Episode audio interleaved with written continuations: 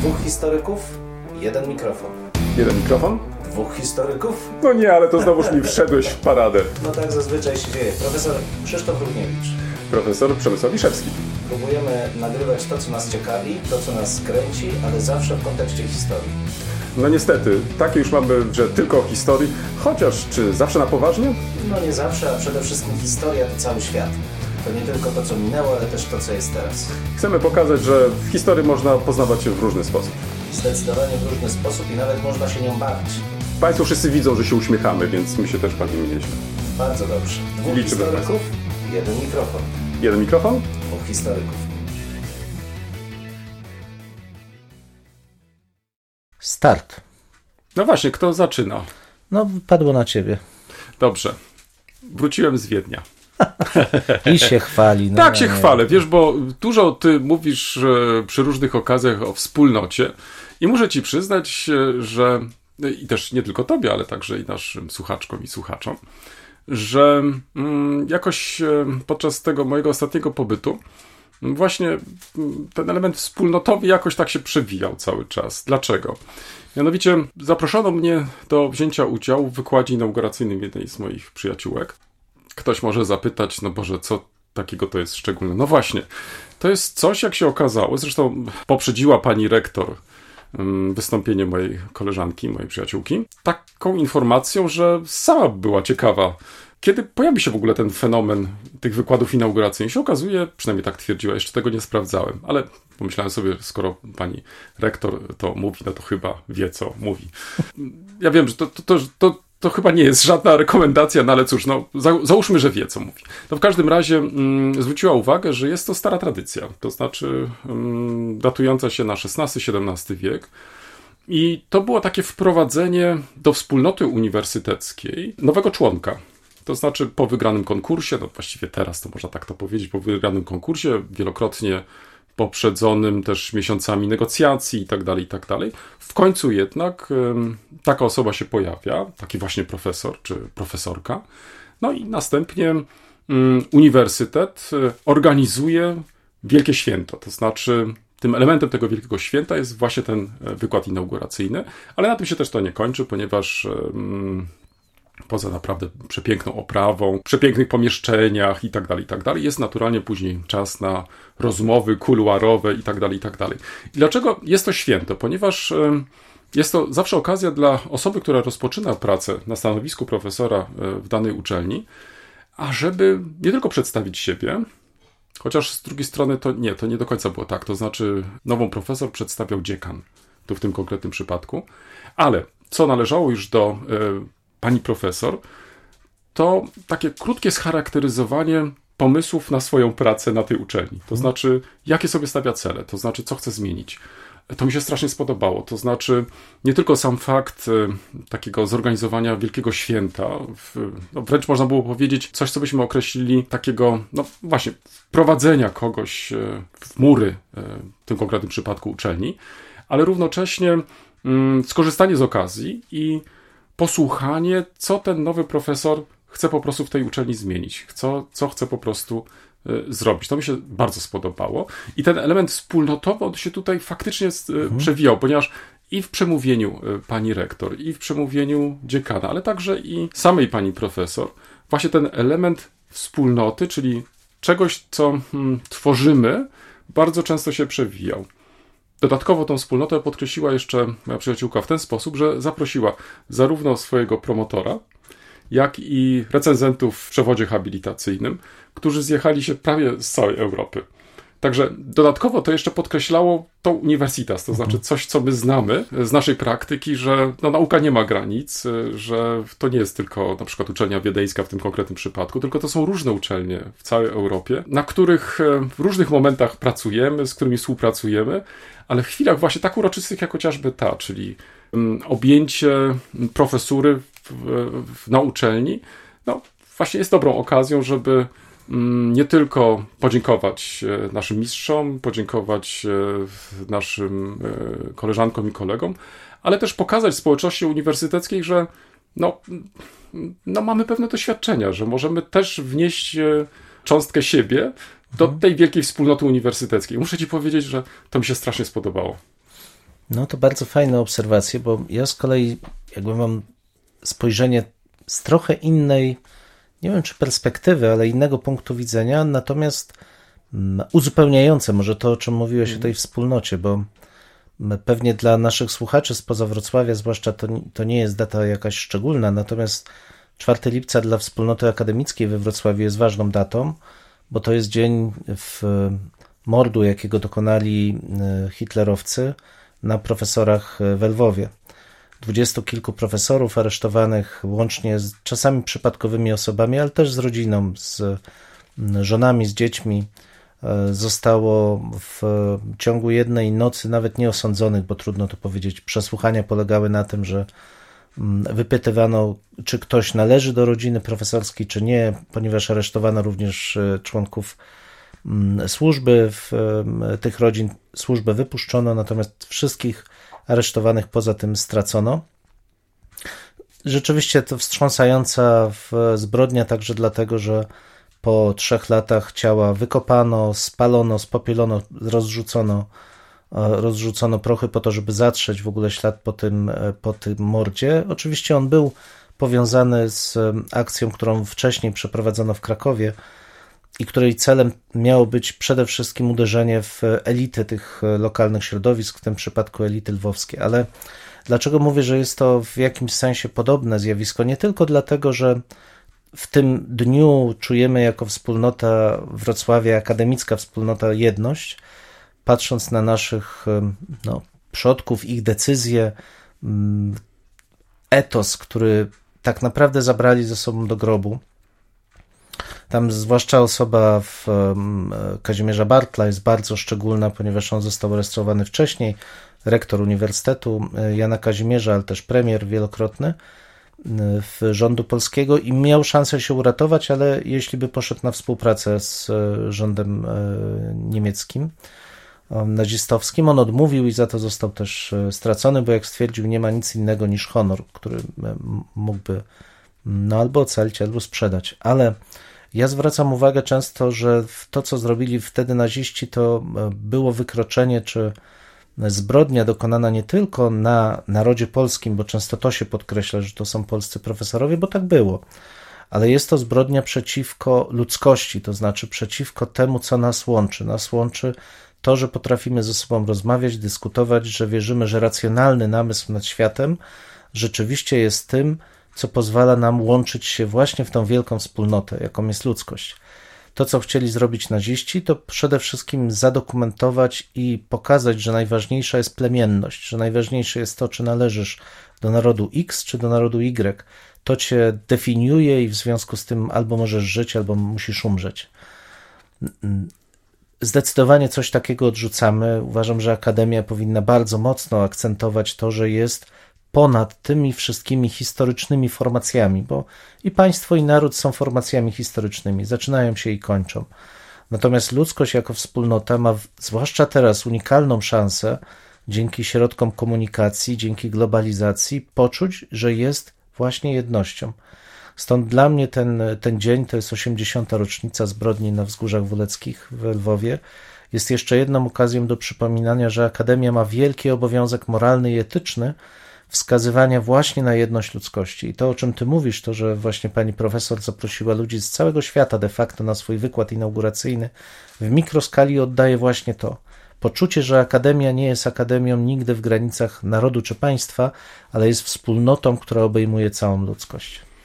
Tu chyba może powinniśmy przypomnieć, że hmm, dlaczego właśnie tak szczególnie we Wrocławiu też obchodzimy tą rocznicę, bo nawiązujemy, przynajmniej jeśli chodzi o tradycję, naszego uniwersytetu do tych trzech tradycji założycielskich, czyli Uniwersytetu Austriackiego, czy tam Akademii Austriackiej, później mm. prusko-niemieckiego uniwersytetu, a na końcu Uniwersytetu Jana Kazimierza. I stąd też ta tradycja jest taka bardzo żywa też u nas, czyli właściwie można powiedzieć, e, to jest chyba taka inna też trochę płaszczyzna nawiązywania do tej tradycji, po, e, do, inaczej, do tej wspólnoty poprzez tradycję, może tak, w ten sposób. Tu w tym moim konkretnym przypadku to tą tradycję można oczywiście wykorzystać, ale chodzi tutaj o wzmocnienie jeszcze tej tradycji, czyli nie myśląc o przeszłości, tylko myśląc bardziej o przyszłości, ponieważ każdy z tych nowych profesorów e, no, ma wzbogacić tą uczelnię, ma po mhm. prostu e, dać swoją cząstkę jakąś taka, mhm. żeby no, prestiż tej uczelni po prostu, można było powiedzieć, z roku na rok się powiększał i tak dalej, i tak dalej.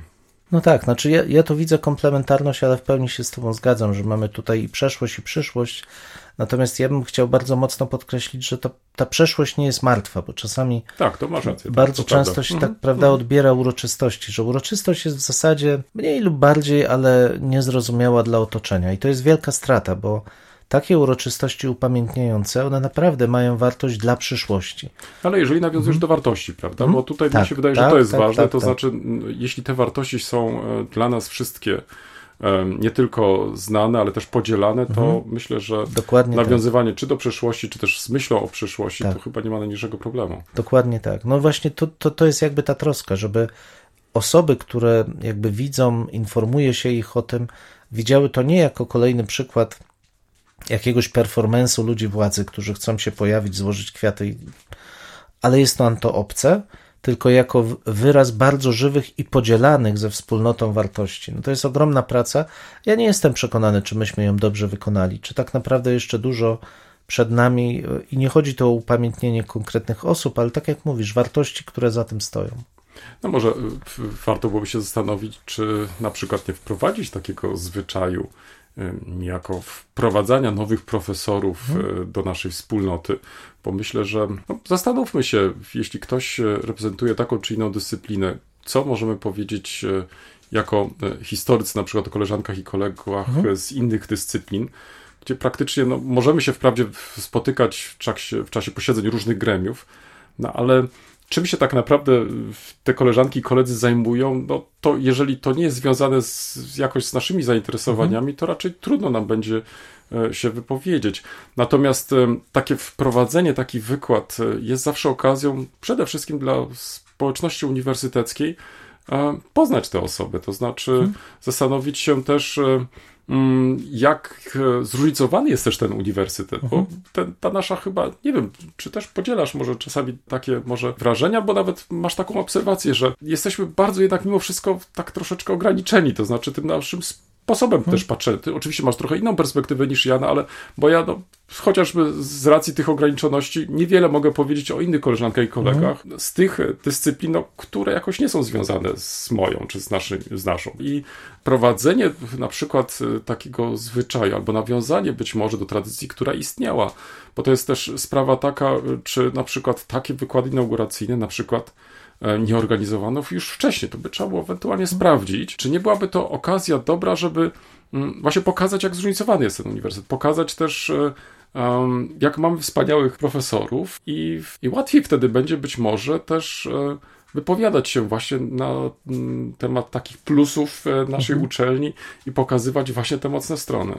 Ale generalnie to jest bardzo fajny pomysł pod warunkiem, że uczynimy te wykłady otwartymi bo przede wszystkim dawałoby to szansę osobom z zewnątrz zobaczyć, czym tak naprawdę Widzisz, jest uniwersytet. Całkowicie masz rację, bo tu może mhm. faktycznie nie dopowiedziałem, jestem winien e, tu mm, także Tobie, ale także i Państwu, że to był wykład otwarty. Mhm. To mhm. znaczy, wprawdzie moja przyjaciółka już przed dwoma laty objęła w, w katedrę i pracę na tej, czy rozpoczęła pracę na tej uczelni, no ale COVID stanął w, po prostu na drodze i dopiero teraz e, właśnie Uniwersytet Wiedeński pomału zaczyna po prostu nadrabiać e, ten stracony, w cudzysłowie stracony czas, ponieważ e, są to też wykłady o charakterze publicznym, Stąd też no właśnie czekano, aż e, stanie się to możliwe, ażeby można było taki wykład publiczny zorganizować. Tak mhm. Tak więc e, jest to też święto nie tylko uniwersytetu, ale generalnie społeczności zainteresowanej właśnie naszą pracą, naszymi badaniami. Tak, no i wielka szansa też dla nas, żeby pokazać, co my możemy tej naszej wspólnocie dookoła nas, nie tylko wspólnocie uniwersyteckiej, zaproponować, bo ja cały czas podkreślam, że uniwersytet Generalnie dobre uczelnie wyższe są tymi miejscami, gdzie tworzy się przyszłość. I obserwując te badania, wyniki, zamierzenia naukowców, można naprawdę w miarę precyzyjnie zobaczyć, dokąd zmierza ludzkość. Więc to jest ogromna szansa, fajny pomysł. Myślę, że będziemy starali się go wdrożyć. To co, tak już chyba rozruszaliśmy nasze no słuchaczki, tak. słuchaczy. To co, musimy przejść do kolejnego jakiegoś e, Dzwonek etapu. Masz ze sobą. proszę pana, proszę bardzo. Wprawdzie w, nagrywamy to prawie, że na emigracji. tak, tak, tak. Prawie, że na emigracji, no ale cóż, no takie mamy warunki, a nie inne. To co, to teraz właściwie powinniśmy przejść do lektur. Do lektur. Ja szczerze mówiąc za dużo nie będę opowiadał o lekturach, bo tydzień minął mi na kolejnym, jak już być może Państwo zauważyli, niekoniecznie lubianym przeze mnie e, działaniu, czyli redagowaniu kolejnego tomu. Ach nie, ojej, wszyscy są teraz rozczarowani. O, o, o, o, ale następnym razem obiecuję, że przyniosę jakąś grubą książkę, więc tylko pokrótce dwa bardzo ciekawe artykuły mojego kolegi Kosmina Popygorianu, mediewisty, nowożytnika rumuńskiego, który zajmuje się historią średniowieczną Transylwanii przede wszystkim, w aspekcie takim wspólnotowym, to znaczy tworzenia spójności społecznej, e, formowania się tożsamości regionalnej. Bardzo ciekawe artykuły, bo co być może część z Państwa wie, być może nie, bo dzieje Transylwanii to nie jest narodowy konik Polaków, ale w, tam ta społeczność regionalna transylwańska narodziła się jakby na początku XVI wieku poprzez powstanie e, Unio no, trium ale to przetłumaczyć jako trzech społeczności etnicznych czy trzech narodów, to byłoby troszkę mm, mylące, ponieważ rzeczywiście w źródłach nazywa się to e, taką unią, a w praktyce było to połączenie trzech różnych stanów. Z jednej strony szlachta, faktycznie w większości węgierska, z drugiej strony Sasi, czyli migranci niemieccy, którzy w odróżnieniu od sytuacji na przykład na Śląsku nie zdominowali tej społeczności, ani jak mieliśmy, możemy to obserwować w Wielkopolsce czy Małopolsce, nie wtopili się w społeczność miejscową, tylko mieli wydzielone miasta, w których rzeczywiście zachowali tą tożsamość niemiecką, nazywani Sasami, w odróżnieniu od e, różnych ludów, które zamieszkiwały dookoła nich. I trzecia z tych społeczności to szeklerzy, czyli potomkowie takich e, ludów koczowniczych, którzy zostali osadzeni jeszcze w średniowieczu na pograniczu Węgier, Transylwanii, żeby chronić przed najazdami e, Mongołów, potem, e, potem Turków. Bardzo ciekawe studia, które, w których on pokazywał, jak te ludy, mimo że na początku XVI wieku ogłosiły taką wspólnotę, to w gruncie rzeczy przez cały XIV-XV wiek nie były w stanie same dojść ze sobą do porozumienia, ale szukały zawsze jako takiego pośrednika władzy królewskiej. I władza królewska oczywiście to odpowiednio wygrywała, ale przede wszystkim starała się zachować pokój w prowincji, równoważąc wpływy tych trzech nacji. Bo co jest bardzo ciekawe, tam nigdy nie doszło do szerokich konfliktów na tle etnicznym. Były pewne spory, ale nigdy nie przybrały one jakiegoś charakteru wojny, jakichś głębokich animozji, co przypomina sytuację na Śląsku właśnie. Stąd też to moje zainteresowanie Transylwanią, zresztą pisaliśmy razem artykuł na ten temat. I w to stworzenie tej Unii na początku XVI wieku wynika z osłabienia władzy królewskiej. To znaczy, w pewnym momencie, kiedy ta władza centralna słabnie, a ma się już doświadczenie tej współpracy z osobą, staje się możliwe właśnie zawarcie takiego porozumienia i stworzenie wspólnoty.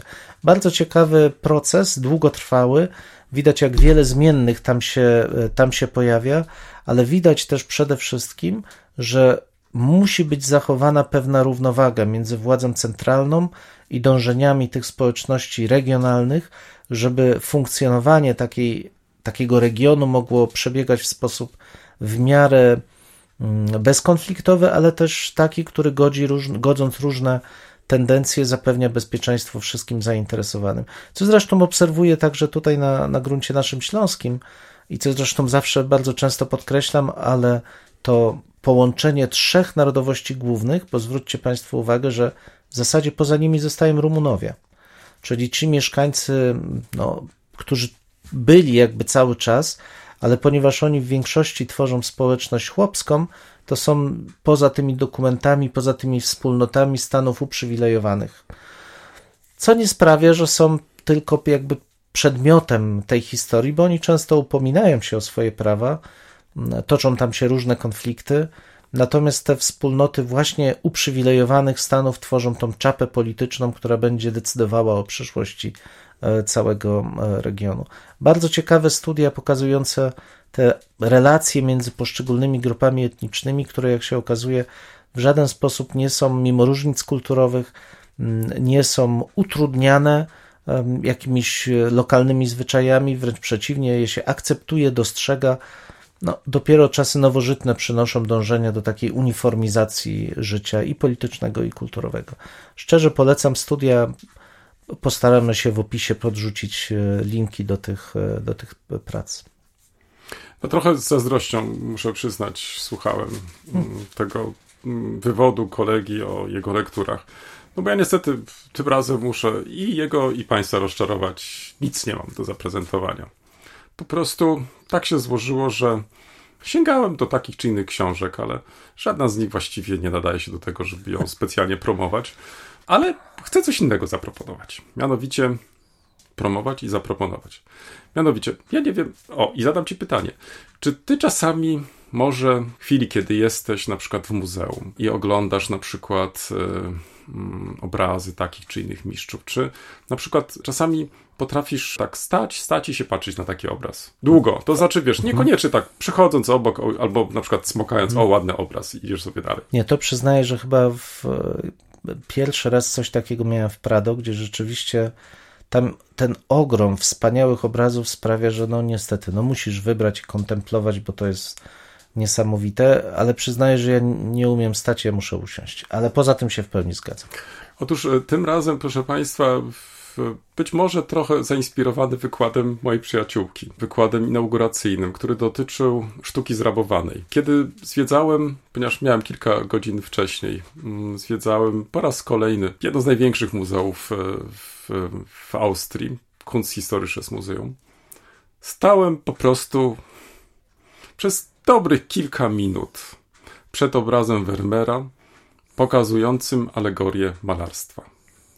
I tak stałem i stałem i się po prostu patrzyłem. Znaczy jakoś, no, nie potrafiłem, mimo że to nie po raz pierwszy ten obraz widziałem. Ale co mnie zafascynowało tym razem? Otóż e, historia tego obrazu. To znaczy, tak się złożyło, że w, w, jakoś tak przeglądając różne materiały, trafiłem po prostu na historię tego dzieła i zacząłem tak stając przed nim, zacząłem najpierw oczywiście o tej takiej warstwy znaczeniowej, co na tym obrazie widzimy i tak dalej. Wyobraź sobie, że tam, e, przynajmniej tak niektórzy twierdzą, historycy sztuki, mimo że obraz różnie w przeszłości był nazywany, dzisiaj jest nazwany jako Malkunst, sztuka malowania, albo też alegoria, alegoria malarstwa, w postaci kobiety przedstawił jedną z mus historię.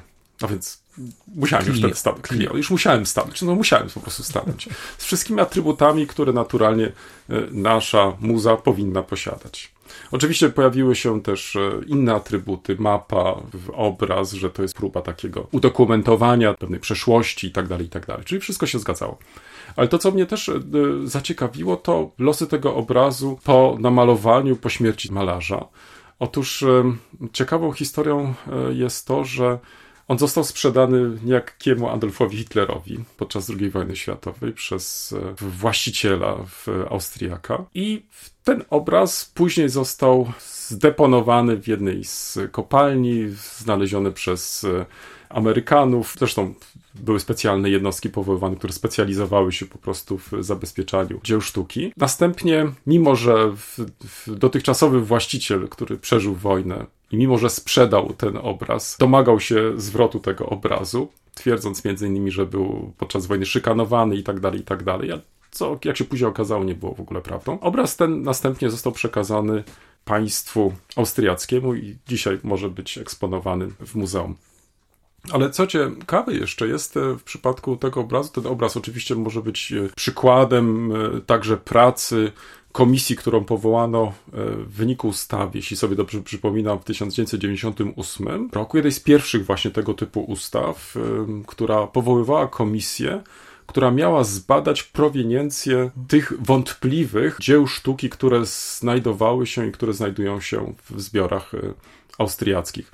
Przede wszystkim chodzi tutaj o mm, tą sztukę, która znalazła się po zajęciu przez Niemcy hitlerowskie Austrii i co do których nie bardzo wiadomo, do kogo po prostu należał, lub też należy sprawdzić faktycznie, do kogo należy. Więc e, na przykładzie tego jednego obrazu i oglądając takie obrazy w muzeach, warto mieć e, też to właśnie na uwadze, że niekoniecznie one są tylko w tej pierwszej takiej warstwie estetycznej dla nas e, bardzo ciekawe, ale co być może warto też e, zwrócić uwagę, to także na właśnie proweniencję, to znaczy co się z tymi obrazami e, działo, jak bardzo czasami ciekawą mają historię.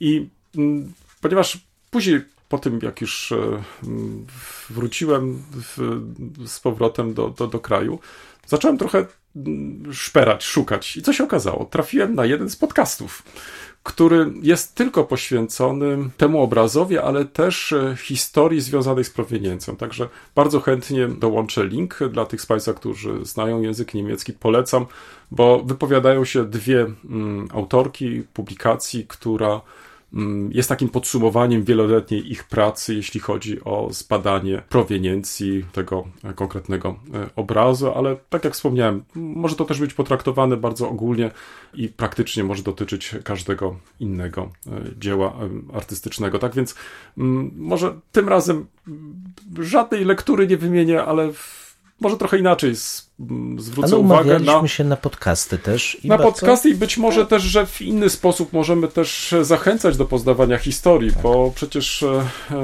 no właśnie, taki obraz czy takie dzieło sztuki może być dla nas bardzo dobrym punktem wyjścia też do różnego rodzaju własnych poszukiwań, e, w, do w, na przykład jeszcze anegdota. Okazuje się, niektórzy historycy sztuki to twierdzą, że Narmer skorzystał z prototypu aparatu fotograficznego kamera obscura. Na y, uzasadnienie podają ogromną szczegółowość, to znaczy wierność w oddaniu różnego rodzaju przedmiotów, które na tym obrazie się znalazły. Tak więc mm, trochę także i dla mnie chociaż mm, naturalnie też zrobiłem kilka ujęć e, tego obrazu. Pomyślałem sobie, że Hmm. Dla każdego z fotografów to może też być bardzo ciekawy temat, ponieważ um, już abstrahuję od um, światło cieni, które oddawał Vermeer na swoich obrazach. To chociażby przez fakt um, próby jakiegoś takiego wiernego odzorowania, czy mapy, czy miast dalej, przedmiotów, które na co dzień używał malarz i tak dalej, to chociażby i z tego powodu mogło to by być e, bardzo ciekawe. A dodajmy, że kolega jest znamienitym fotografem i prowadzi też blog o fotografii, więc to tylko dopełnia obrazu tego zainteresowania, które nam przedstawił. Chcę tym samym powiedzieć, że do takiego obrazu można podejść wielowątkowo, w zależności od tego, czym się interesujemy. W... A, tak na marginesie, to faktycznie, wiesz, wykorzystam, bo zrobiłem kilka ujęć, jedno z nich pokazuje ogólny rzut na, na, na, na, na pomieszczenia i gdzie znajduje się ten obraz, bo dla mnie też jest ważne otoczenie takiego też obrazu, ale oczywiście jest też czego...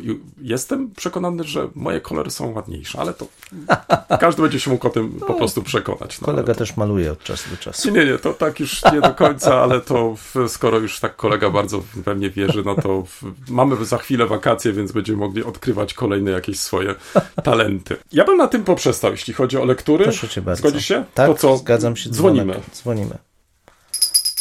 Ja nie wiem, czy nasze słuchaczki, słuchacze zauważyli, że to jest inny dzwonek. No myślę, że y, specyficzna jakość dźwięku potwierdza, że to jest inny prawda? dzwonek. Tamten no. jest jednak głębszy, taki bardziej wnikliwy, tak, ten prawda. jest taki stonowany. Tak, to prawda, ale co, tak. ale chyba nie gorszy, prawda? Nie, nie, absolutnie, nikogo nie gorszymy. Tak. My nikogo nie gorszymy, nie, nie, nie. O czym chcieliśmy dzisiaj rozmawiać? No, to jest chyba temat, prawda? Tak. Temat z ostatniego naszego mhm. odcinka. Jakoś tak zasygnalizowaliśmy pod koniec, tak, albo tak. inaczej, trafiliśmy na ten temat pod tak. koniec, ale chyba wspólnie uznaliśmy, że warto jednak trochę więcej miejsca na ten temat poświęcić, mhm. E, a nie zbyć go tak może dwoma, tak. trzema zdaniami. No, zastanawialiśmy się nad krytyką, ale nie krytyką tak w ogóle, bo to, że ludzie lubią się krytykować, to jest znana rzecz. Zresztą rozwojowa notabene, to pomijając. To myślisz ale... chyba o krytykanstwie. O krytyce, nie o krytykanstwie, o, o krytykanstwie. O, dobrze, o ale, ale myśleliśmy o tym specyficznym elemencie krytyki, jaką jest krytyka w obrębie akademii, czyli prowadzenie dyskursu naukowego. A w ogóle w coś takiego jest, słuchaj, dzisiaj? No właśnie, to jest, to jest chyba to pytanie, które chcieliśmy postawić. Ja, ja wiem tak, że miałem ostatnio przyjemność, e, no, no okej, okay, obowiązek, przyjemność, ale recenzować dwie rzeczy. Mhm. Um, przy czym w formie takiej, jaką bardzo często przychodzi nam teraz robić, to znaczy nic, co idzie do publikacji, ale czy to dotyczy... Jako wewnętrzne. Tak, jako recenzje wewnętrzne. Jedną grantu, drugą właśnie artykułu. I co mnie uderzyło, to rzeczywiście, że, że coraz bardziej te recenzje stają się schematyczne. To znaczy, już formularz recenzyjny narzuca nam takie myślenie uproszczone o oddziale naukowym. Czy posiada taką, taką, taką, taką cechę i ewentualnie na koniec jakieś szersze uzasadnienie, konkluzja. Tak, tak. Tymczasem ja przynajmniej tak byłem uczony i uważam, uważam do dzisiaj, że to jest jedyne dobre podejście.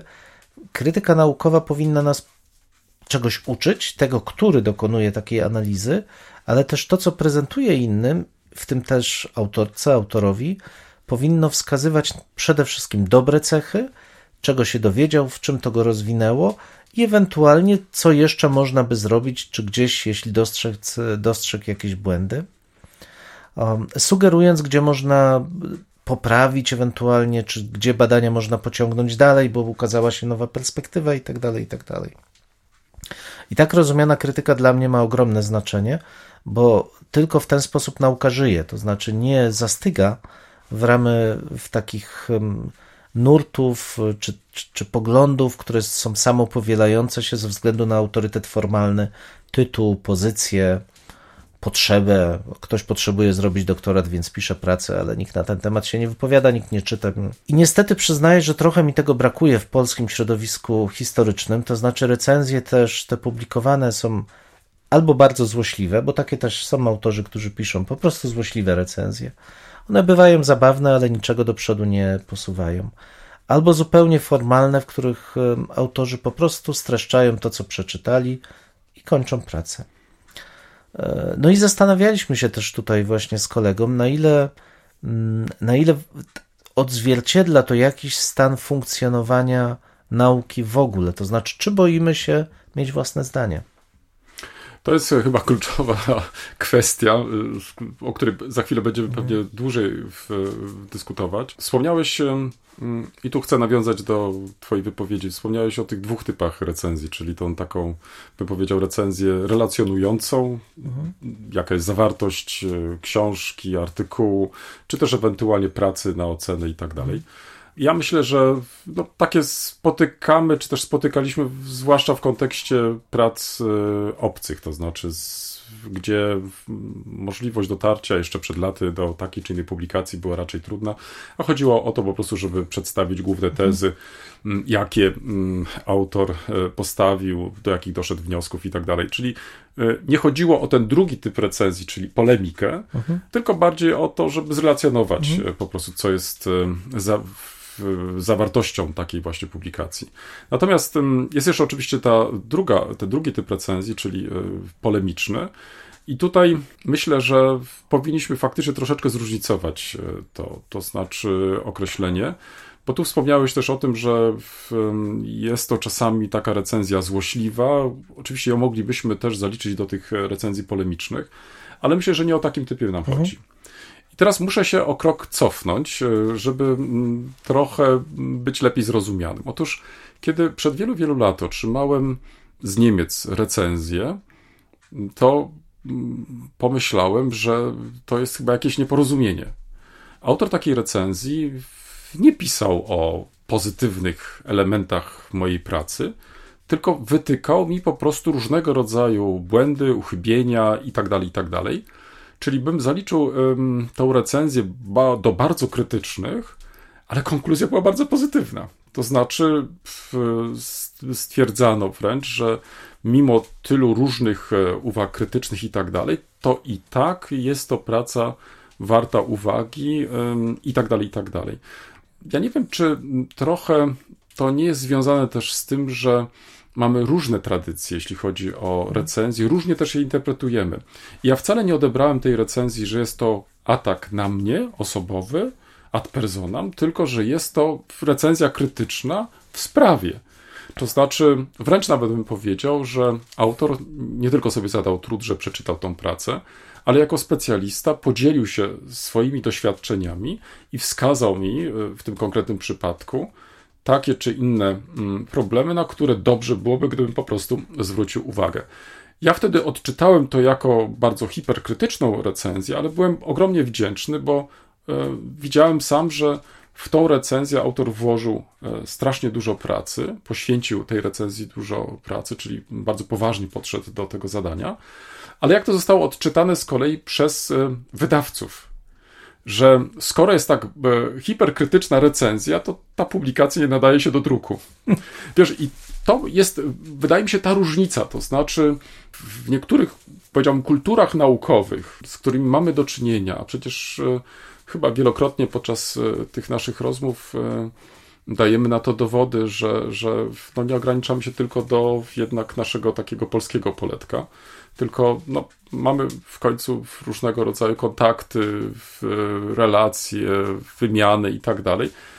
I często jesteśmy konfrontowani właśnie z tymi innymi kulturami naukowymi że w niektórych kulturach e, krytyczna recenzja wcale nie jest traktowana negatywnie, mhm. tylko wręcz odwrotnie. Jest to faktycznie część tego dyskursu naukowego, z którym no, jesteśmy konfrontowani, do którego powinniśmy być przyzwyczajeni, bo tylko w ten sposób, tak jak to słusznie przed chwilą powiedziałeś, tylko w ten sposób możemy te badania po prostu pchnąć do przodu. To znaczy nie tylko utwierdzać się w tym, że coś e, zrobiliśmy dobrze, do czegoś doszliśmy i tak dalej, co też jest naturalnie ważne, ale jeżeli traktujemy to jako kolejne wyzwanie nasze, e, no to jest to dla nas ogromnie cenne.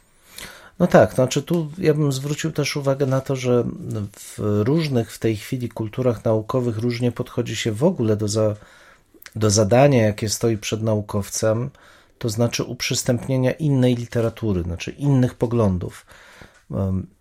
Ja lepiej znając w zasadzie no, tylko niemiecką, francuską i Amery- tą anglosaską ze Stanów Zjednoczonych kulturę publikacyjną, Mogę powiedzieć na przykład, że kwestia takiego udostępniania wiedzy o tym, co się ukazuje, jest najżywsza w Stanach Zjednoczonych i w Niemczech. W Niemczech może nawet w mniejszym już stopniu, kiedyś bardziej.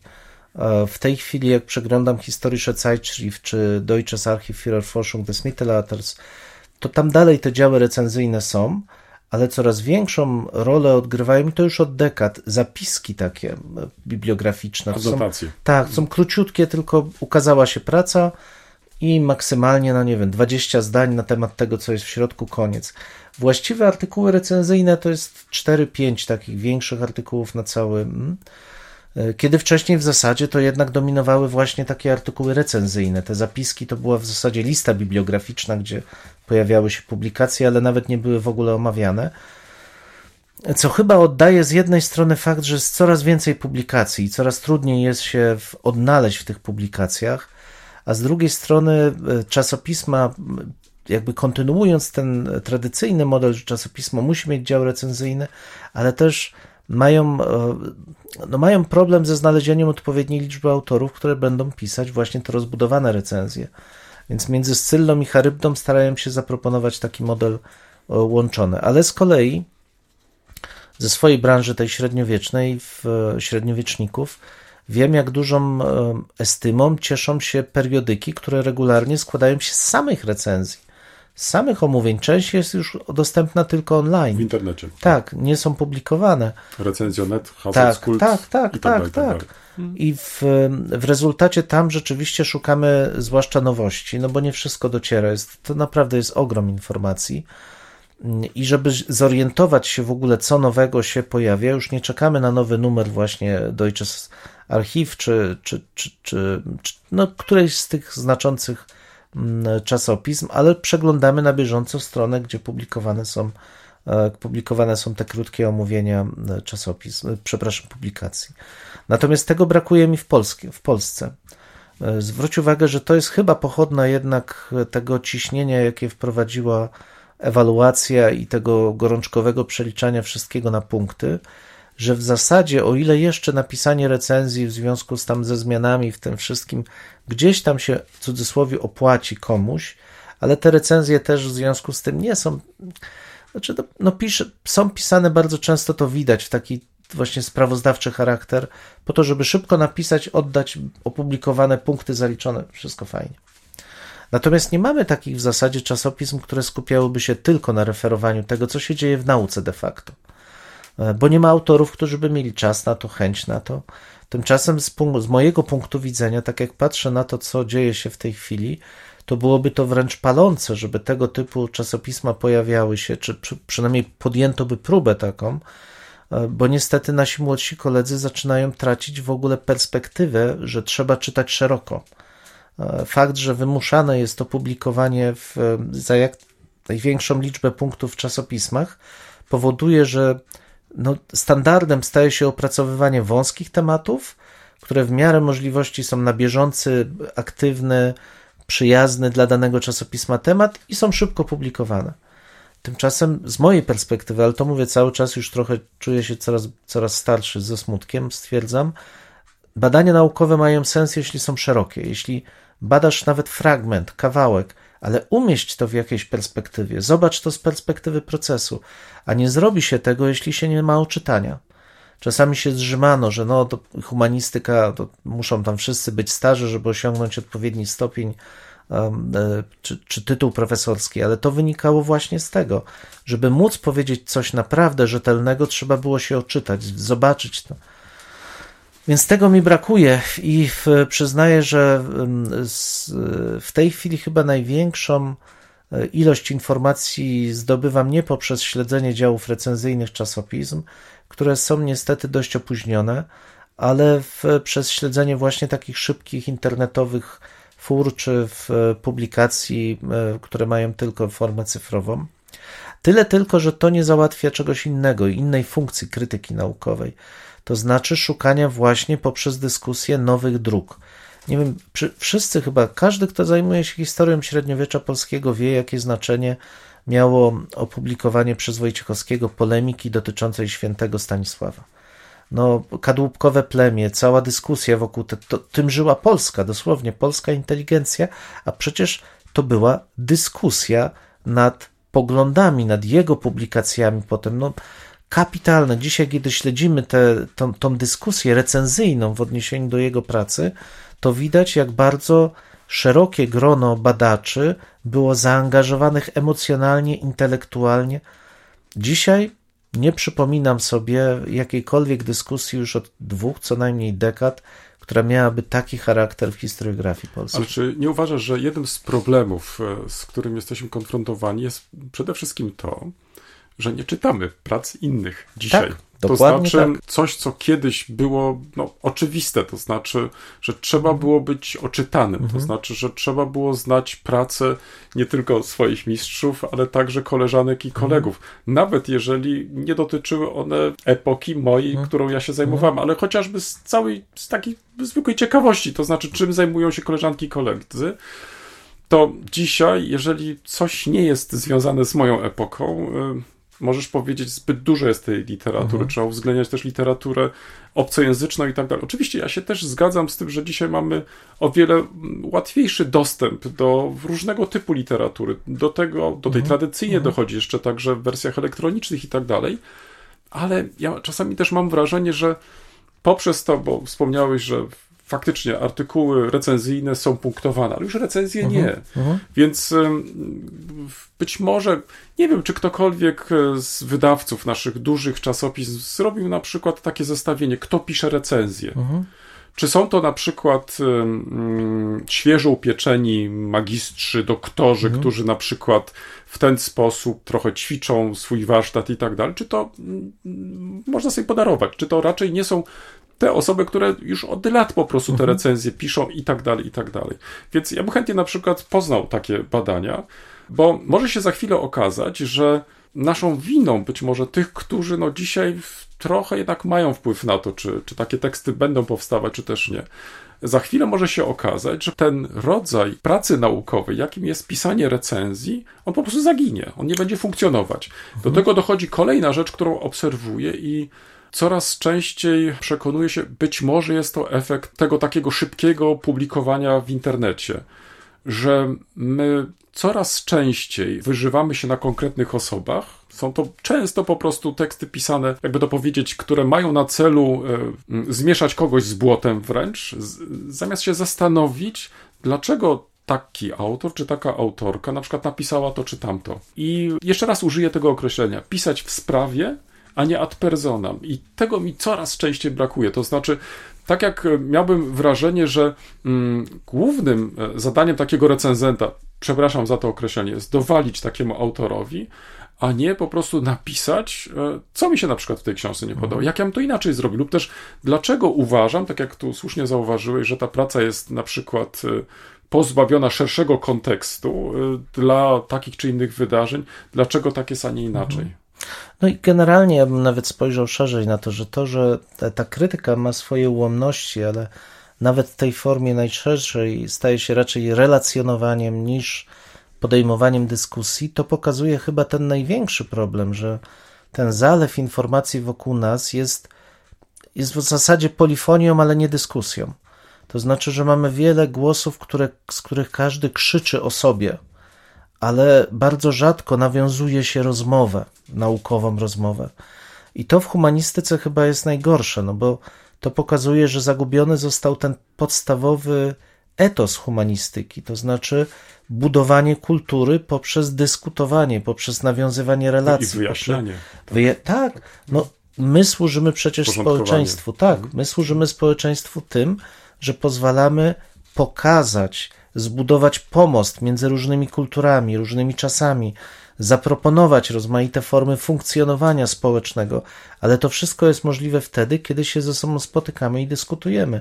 Ta krytyka to jest właśnie wyraz tego, czy jesteśmy żywi, czy wiemy, po co humanistyka w ogóle funkcjonuje. Jeżeli to jest tylko polifonia, no to co najwyżej możemy powiedzieć, że mamy ilość osób, które chcą opowiedzieć innym o sobie. I to mnie chyba najbardziej też uderzyło w latach 90., kiedy wchodził ten różnie de definiowany zwrot, tak naprawdę eskapistyczny, wtedy określany jako postmodernistyczny, kiedy z bardzo prostej sprawy, mianowicie, że sam wywód zależy od autora w dużej mierze, uczyniono centrum w ogóle refleksji humanistycznej, że wszystko zależy od autora że nie ma prawdy, że jest tylko perspektywa autorska, że każdy może swoją prawdę właściwie przedstawiać, ale to jest czysty eskapizm, to znaczy to powoduje, że nie ma sensu dyskutować, nie ma sensu rozmawiać, każdy mówi o sobie, bo tylko to jest w stanie zrobić. To nie jest humanistyka.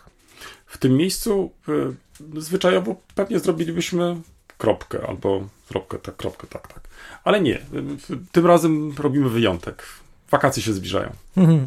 Tak, wakacje się zbliżają. Znaczy, tematu chcę chyba tylko powiedzieć, że jeszcze nie wyczerpaliśmy, ale nie chcemy też przedłużać. Nie, nie, nie, nie, nie, absolutnie. Jak zawsze zostawiamy przestrzeń dla naszych słuchaczy. Natomiast tu chcieliśmy tylko zaanonsować, że nie poddajemy się. To nie znaczy, że jak wakacje, to my nie będziemy nadawać, ale może nam się zdarzyć pewna przerwa. Wiadomo, wakacje, któryś z nas może wyjechać, nie zawsze będziemy mogli się spotkać. Tym niemniej Obiecujemy, że będziemy starać się mimo wszystko w miarę regularnie, na ile nam losy pozwolą działać. I na czas będziemy informować, albo też o zmianach, jeżeli by się okazało, że w jednym tygodniu na przykład nie uda nam się Dokładnie e, tak. nagrać odcinka. Dokładnie tak. Zostańcie z nami.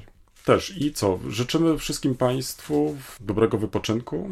Tak. Uważajcie no, Państwo na siebie. Tak jest. Bądźcie zdrowi, zachowujcie dalej jednak mimo wszystko wszystkie te ograniczenia wynikające z COVID-u, to jest chyba ważne. To nadal. jest ważne, ale cały czas pamiętajmy, że COVID, nie COVID, staramy się być jednością, staramy się współpracować i dyskutować. W tym miejscu stawiamy kropkę, lub też jak to woli, kropkę nad i. No, mamy nadzieję, że to nie jest koniec, że to jest początek Waszych dyskusji. Mam nadzieję, że Was zaciekawiliśmy. Prosimy o komentowanie naszych zmagań z historią. Poniżej zdjęcia jest wystarczająco dużo miejsca. I pamiętajcie, nie regulujcie odbiorników. No my naprawdę tak brzmimy. E, tak, chociaż być może czasami e, może trzeba ściszyć.